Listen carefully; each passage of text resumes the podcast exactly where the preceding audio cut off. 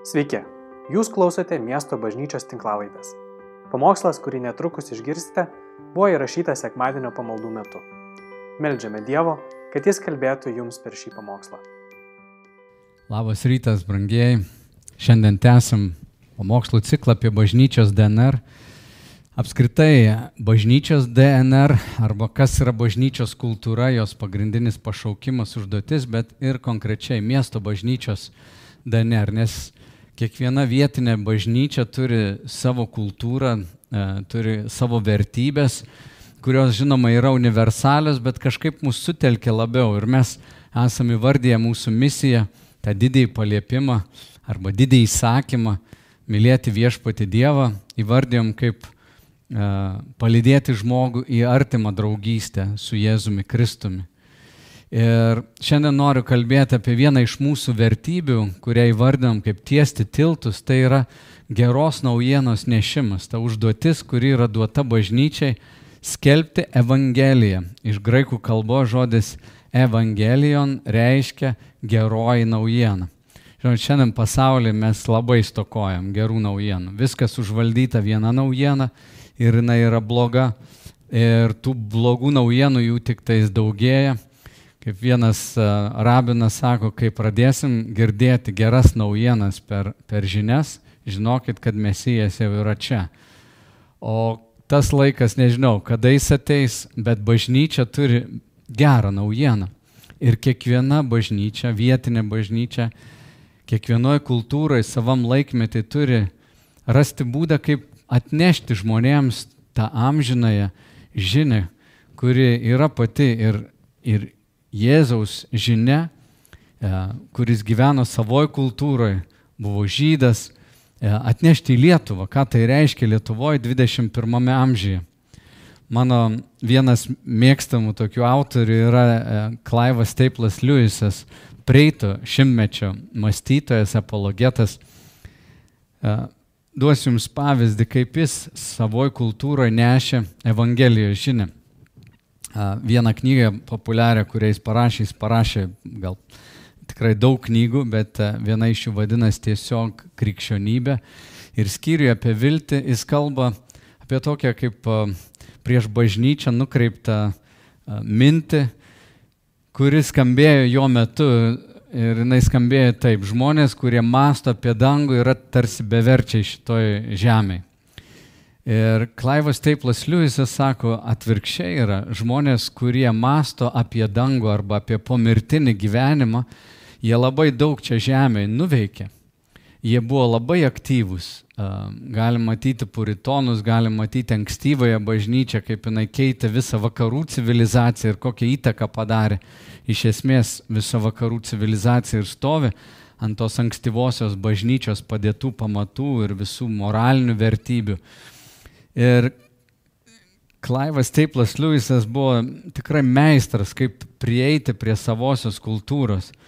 Ir jisai sako, žmonės, kurie daug mąstė apie pomirtinį gyvenimą, jie labai daug nuveikė šiame gyvenime. O tie, kurie mąstė tik apie šį gyvenimą, jie prarado abu. Ir jis pateikė tokį labai gerą argumentą, sakydamas, kad e, kalbėdamas apie viltį, nes tuo metu irgi vilties daug nebuvo, ką tik baigėsi antras pasaulinis karas, kuris šokiravo daug humanizmą įtikėjusių žmonių, kaip blogis taip galėjo išplisti. Ir šiandien mes randam save panašioje situacijoje, kur atrodo blogis kyla visur, susipriešinimas, didžiulė visuomenės polarizacija, atskirimas vyksta, mūsų pačių izoliavimas atrodo, ką buvo sunku net įsivaizduoti prieš metus ar du. Ir Liujisas jis sako, kai kalbam apie viltį, sako, žiūrėkit, kai mes kartais kaip žmonės pamilstame kažką, vaikinas pamilsta merginą, jisai turi tokį idealą, kad jo santoka bus fantastinė. Kai mums užgimsta kažkokia mintis, gera mintis, kad vieną dieną mes išvažiuosim kažkokią šalį ilsėtis, polsiauti, bus ten tikrai labai gerai. Arba kai susidomim kažkokiu nauju hobiu, mes priimam naują hobį į savo gyvenimą ir galvom, jis tikrai mus giliai labai patenkins. Ir sako, laikui bėgant tu pamatai, kad ta santoka nuvelia, ta kelionė irgi tave tavęs nedžiugina, neužpildo hobis, galiausiai irgi atsibosta. Ir sako, aš nekalbu apie blogas keliones, blogas santokas, aš kalbu apie pačias geriausias santokas, apie pačius geriausius hobius ir geriausias keliones. Ir sako, čia mes susidurėm su tokiom trim išeitim arba trim pasirinkimais, kaip žmogus sureaguos. Pirmasis kelias, jis sako, yra kvailio kelias. Ką daro kvailys, jisai galvoja, palauksiu, šią moterį man nepavyko gyventi, kažkur turbūt yra geresnė moteris ir jis vejasi kitą moterį, tada trečią, ketvirtą ir penktą ir vis neranda to pasitenkinimo. Jis išvažiuoja į vieną kelionę, nepasitenkina, galiausiai važiuoja į kitą, ieško dar vienos pramogos, dar kitos. Ta mes matome ir mūsų visuomenė, nes tikrai to yra daug, žmonės ieško vis naujos kitos aistros pramogos bet visa tai nepatenkina jo. Jeigu jį patenkintų, jis nebeieškotų kažko daugiau, bet jeigu jis lieka nepasitenkinęs, jis vis ieško ir ieško. Antras kelias arba antroji tokia reakcija žmogaus gyvenime gali būti, kaip jis sako, protingo žmogaus, tokio nuovokaus žmogaus reakcija, kuri būtų tokia, aš pabandžiau, nusivyliau, aš pamėginau ir man nepasisekė, manęs tai nepatenkino. Su metais aš suprantu, kad manęs tai nebe, nebepatenkins.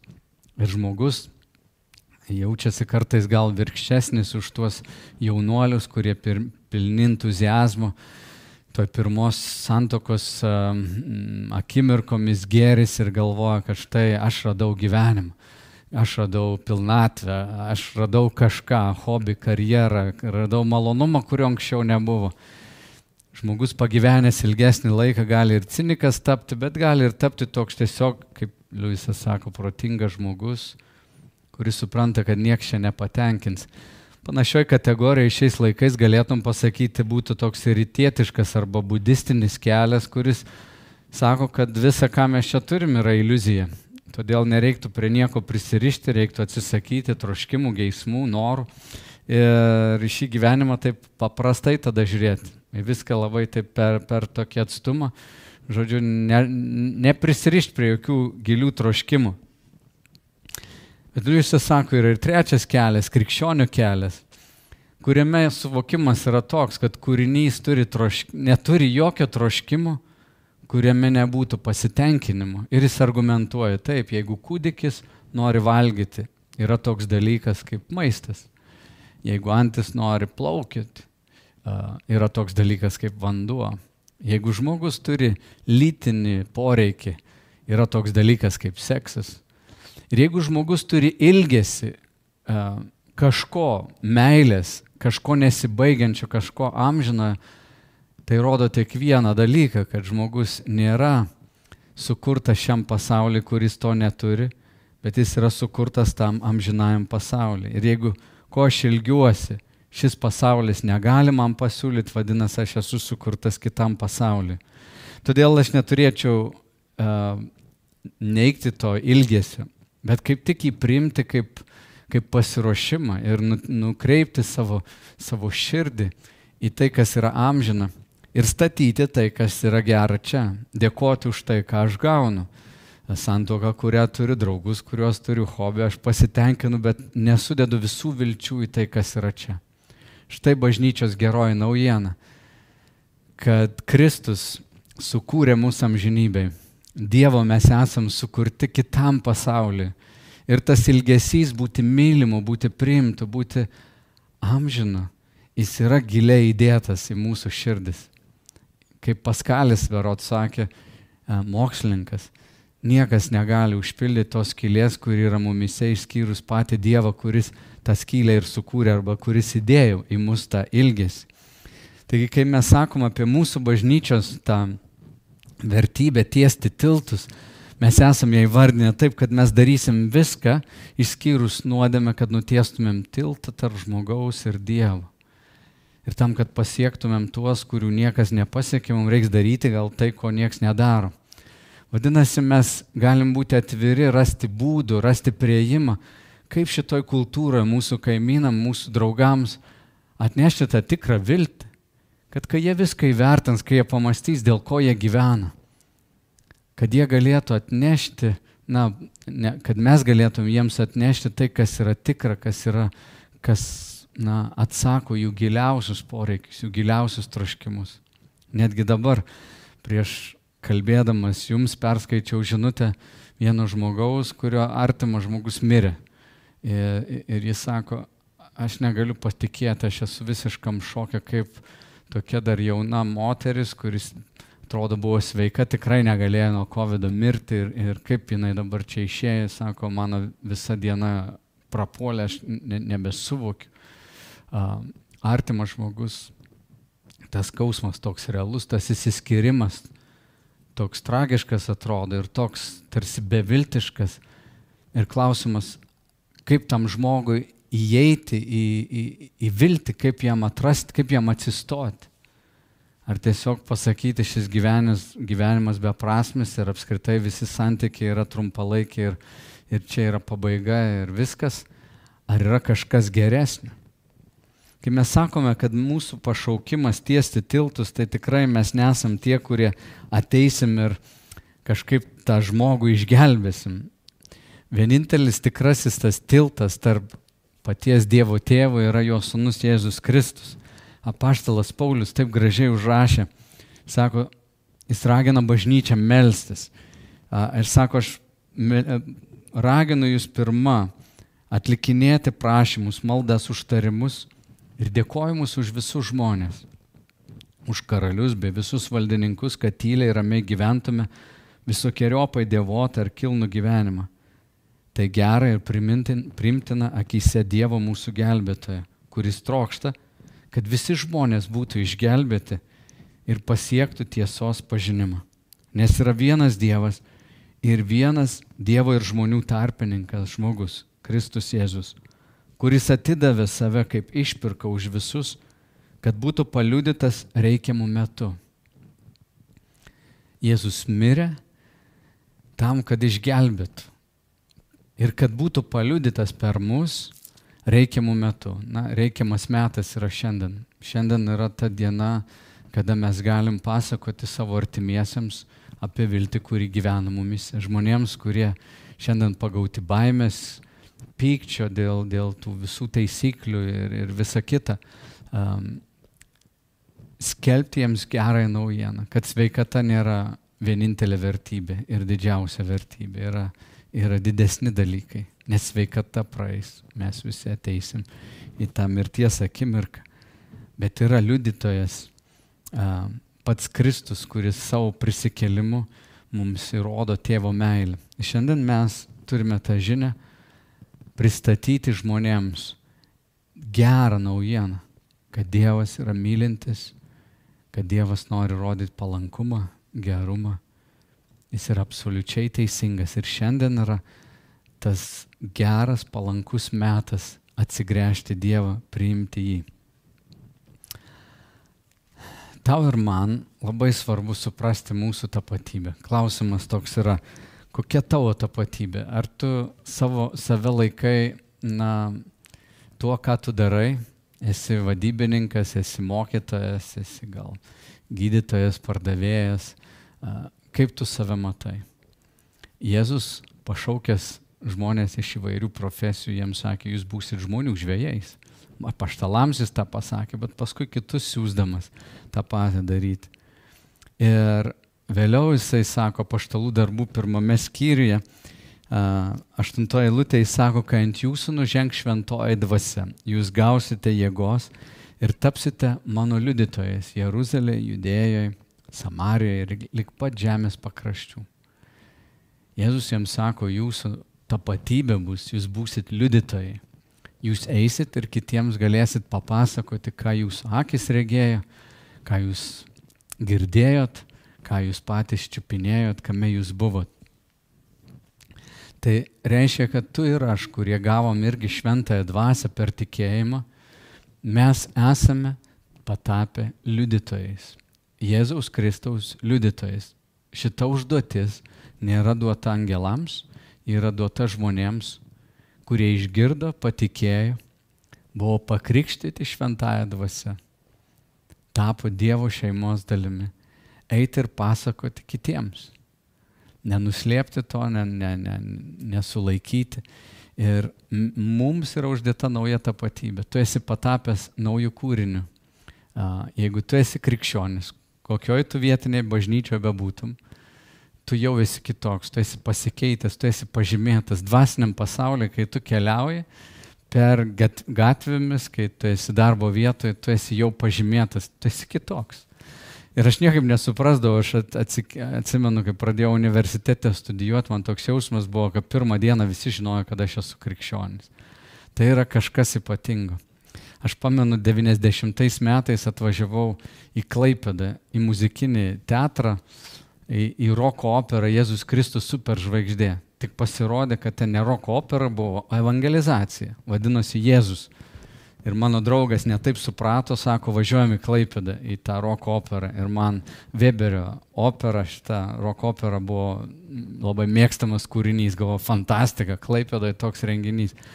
Aš pataikiau evangelizaciją, išgirdau tenais liudimų žmonių, čia buvo vasara.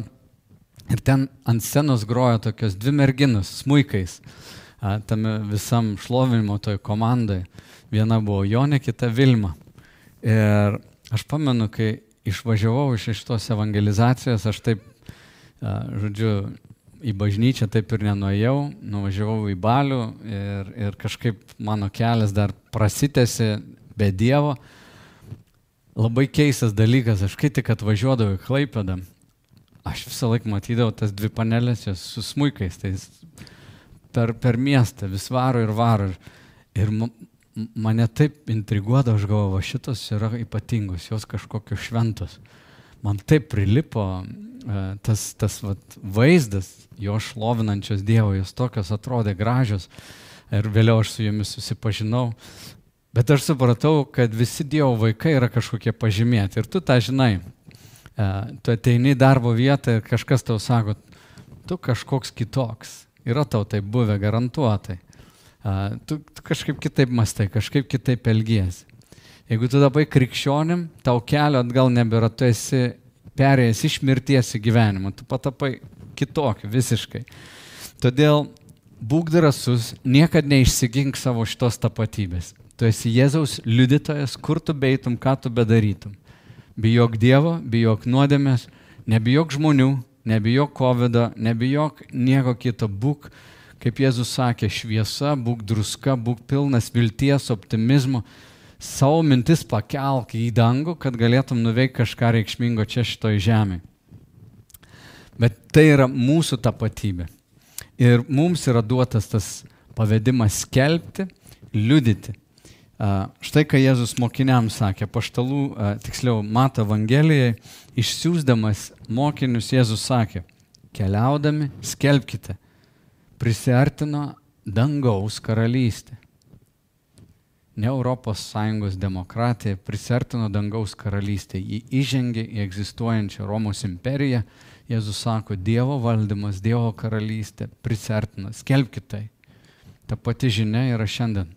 Mes esam Lietuvos galbūt piliečiai, ES piliečiai, bet iš tikrųjų mes esam mūsų pagrindinė tapatybė, mes esame ateiviai šitoje žemėje trumpą laiką.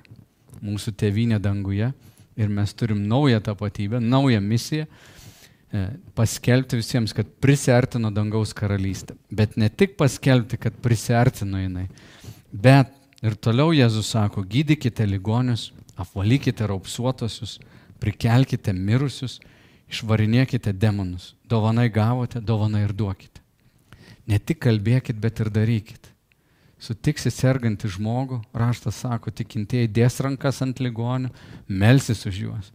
Niekada to nedarėjai, išdrįs tai padaryti. Jėzaus vardu uždėjęs ranką, sakyk, skelbiu sveikatą, Jėzaus išgydyk, prašyk Jėzaus išgydymo e, žmonėms, kurie serga. Man tai patinka viena sesė, kuri neseniai pas Dievą atėjo, jis sako, aš kažką noriu daryti, aš noriu eiti ten į ligoninę e, savanoriauti kur žmonės kai kurie bijo COVID, jinai sako, aš noriu eiti tenais. Man tai toks gražus liudimas, nėra baimės, yra noras tarnauti, eiti, veikti, daryti kažką.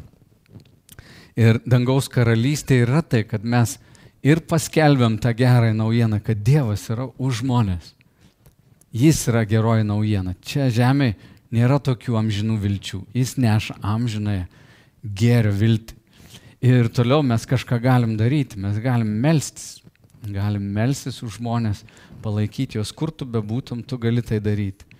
Ir Jėzus ten toliau dešimtam skyriui duoda instrukciją, sako, kai tu eini, susiraskit žmogų, kuris bus taiko žmogus.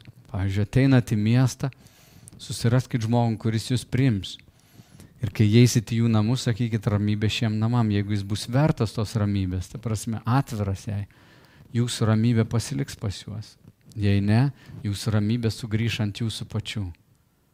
O tai Dievas yra uždėjęs mums savo karalystės tą tokį anspaudą, uždėjęs ant mūsų, kur mes einam, mes nešam karalystės pačią valdžią, karalystės buvimą, Dievo buvimas su savimi. Mes esam vilties žmonės. Todėl savo darbovietė, kažkokiam mieste, savo giminiai, būk tas, kuris neši viltį. Žinai, Dievas dažnai panaudos jau egzistuojančius santykius. Pavyzdžiui, Jono Evangelijoje mes skaitom pirmame skyriuje, kaip Andriejus atsivedė Petrą. Andriejus buvo vienas iš Jono Krikščitojo mokinių. Vieną dieną jisai girdi, Jonas Krikščitojas sako, štai Dievo vinėlis, štai tas, kuris pasiaukos už žmonės jis krikštyje šventąją dvasę, aš nesu vertas užrišti jo sandalų to apavo raištelių. Ir Andrėjus išgirsta tai, seka Jėzumi, paskui naina susiranda Petrą ir atveda Petrą pas Jėzų. Ir Jėzus pamato Petrą ir sako Petrai. Simonai sako, tu būsi dabar Petras, pakeičia jo vėl tapatybę, jo vardą Sako, tu buvai Simonas, tai reiškia ne Andrė, toks viruojantis, neapsisprendžiantis, dabar tu būsi Petras Uola. Paskui jisai Petrui sako, tu buvai žvėjys, aš dabar tave padarysiu žmonių žvėjų. Ir matom čia, kad Petras yra brolio palidėtas. Mane irgi brolis atvedė pas Kristų arba paskelbė man Evangeliją namuose žinai, Dievas panaudos tuos ryšius, kurie jau yra. Nes mes esam tokioj didelėje nepasitikėjimo kultūroje, kur įtarumas ir nepasitikėjimas šiandien tikrai labai plinta, labai daug susiskaldimų. Ir taip svarbu atpažinti va tuos jau egzistuojančius pasitikėjimo tiltus, kuriuos tu turi. Todėl turėdamas kažkokią draugystę, nepaniekink tų draugų, ne, nenusisuk nuo jų, bet atnešk tą žinią. Jiegi tave pažįsta ir tu nepamokslauk jiems, bet tu liudik, kas įvyko tavyje, ką Dievas tau padarė. Tai yra pati geriausia evangelizacija arba geros naujienos nešimas, kai tu sakai štai, ką Dievas padarė man. Jis tai davė man. Ir to neina paneigti, tai yra mano istorija. Tu gali sakyti, gal tu meluoji, bet ne, čia mano gyvenimas taip įvyko. Žodžiu, mes esam tie, kurie nešame gerąją naujieną Bet tu ir aš, mes neturime tos atsakomybės išgelbėti žmogų. Gelbėtojas yra pats Dievas. Jis paliečia. Tu liudijai, šventoji dvasia duoda tau galę kalbėti. Kai tu išdristi prabilti, šventoji dvasia to žodžius uh, įkvepia, patepa. Ir raštas sako, feziečiams pirmame skyriuje sako, te būna palaimintas Dievas, mūsų viešpatės Jėzaus Kristaus tėvas, kuris palaimino mus Kristuje visais dvasiniais palaiminimais danguje. Mūsų išrinkdamas jame prieš pasaulio sutvėrimą, kad būtume šventi ir nekalti meilę jo akivaizdoje. Tai reiškia, kad Dievas yra numatęs mūsų tarpę, mūsų draugų tarpę, paliesti žmonės. Jis nori, kad visi būtų išgelbėti, bet jis yra ir numatęs išgelbėti tos žmonės. Kažkas turi jiems atnešti tą žinią. Ir klausimas visada iškyla, kaip mes, kaip bažnyčia, ką mes nuveiksim, ką mes padarysim. Juk atsakomybė skelbti Evangeliją nėra man duota kaip pastoriui, mums visiems. Aš net skaičiau straipsnį Bernardinuose, kur e, arkivyskupas Kestutis Kievalas šią savaitę parašė, kreipdamasis į bažnyčią, kad viskupai neturi nuleisti visko iš dangaus, atrodo žmonėms. Sako, negi viskupai yra paskutiniai katalikai. Vadinasi, visi katalikai turėtų skelbti žinią, visi turėtų parodyti meilę artimui. Aš noriu pasakyti, kad mums tikintiesiems ta žinia yra pavesta visiems, ne tik pastoriams ar ten kunigams, bet skelbti Evangeliją yra duota visiems ir, žinai, kūrybos sėklos yra tavo mintise, tavo prote, tavo širdyje. Ir tu gali paklausti Dievo, o kaip man nešti šitą Evangeliją pas savo, a, savo giminiai, savo aplinkoje, savo mieste. Šiandien aš žiūriu, kad mes labai daug galim padaryti internetu. Ir aš randu, kad mano na, evangelizacija, pokalbė dažniausiai užsimesga per internetą.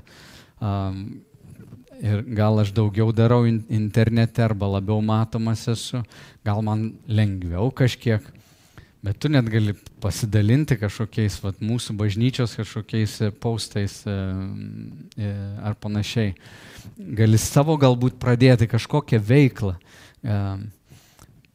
Bet čia ne tik apie pasakojimą, aš kalbu, kad mums reikia rasti naujus būdus, kaip mes galėsim atnešti Evangeliją. Ir gal jie nelabai skiriasi nuo to, ką darė ankstyvoji bažnyčia. Mano mėgstamas pamokslininkas Timas Kelleris, jisai yra parašęs knygą, kaip vėl pasiekti vakarų kultūrą Evangelijos žinia. Jis sako, kad ankstyvoji bažnyčia augo, jinai laimėjo kultūrinius karus, kuriuos vakarų bažnyčia šiandien yra pralaimėjusi. Žinot kodėl? Todėl, kai prasidėjo vat, sekso revoliucija, bažnyčia vakaruose, ypač gal Amerikoje, pasirinko neapykantos kalbą. O kiti, pavyzdžiui, LGBT visa bendruomenė pasėmė meilės kalbą, pasėmė vaivorykštės simbolius, o bažnyčia tokia buvo smerkinti, pamokslaujanti. Ir tai pralaimėtas atrodo karas. Ankstyvoji bažnyčia Romos imperijoje, ji neprisitaikė prie kultūros. Ji buvo kitokia, kitoniška, bet į kultūrą nešė tokią sveikatą. Timas Kelleris įvardina penkis dalykus, ką bažnyčia darė. Pirma, jinai buvo, jinai puoselėjo daugia kultūrę bendruomenę. Tai reiškia, kad rasizmas jis nėra Biblijoje palaikomas ir primtinas. Šiandien žmonės krikščionys, evangelikai tapatinasi kartais su kažkokia kul, viena politinė partija ir panašiai. Ir jie pradeda ginti kažkokią arba nacionalizmą labai stipriai iškelia. Tai ankstyvoji bažnyčia, na kaip tik visus primdavo, labai skirtingų žmonės. Suprato, kad žmogaus prigimtinė teisė ir tas orumas yra neginčiami, nepriklausomai nuo lyties, nepriklausomai nuo jo ten įsitikinimų, nuo jo kultūros, tautybės. Ir bažnyčia, na, va tokia buvo, labai labai atvira. Antra, jie rūpinosi vargšais, bet ne tik savais, bet ir kitų vargšais. Kai kažkas atsidurdavo pariby, žmonės iš bažnyčios eidavo, primdavo juos. Ir kai kurie tai smerkė, bet žinai, kai pats atsiduri pariby arba tavo artimas žmogus, visa tai labai nu, stipriai liudyja apie tą Dievo meilę. Aš taip džiaugiuosi šiandien Lietuvoje matydamas, kad turbūt didžioji dauguma rehabilitacijos centrų yra krikščioniški.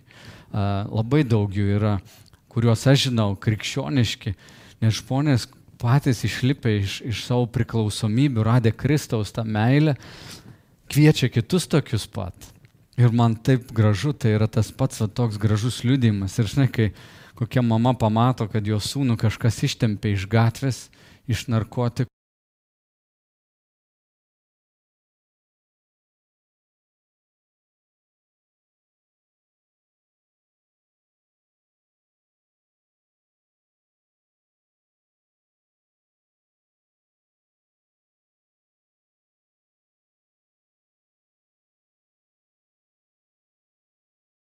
Imdavo gyvybę, kovojo prieš abortus ir vaikų žudimą.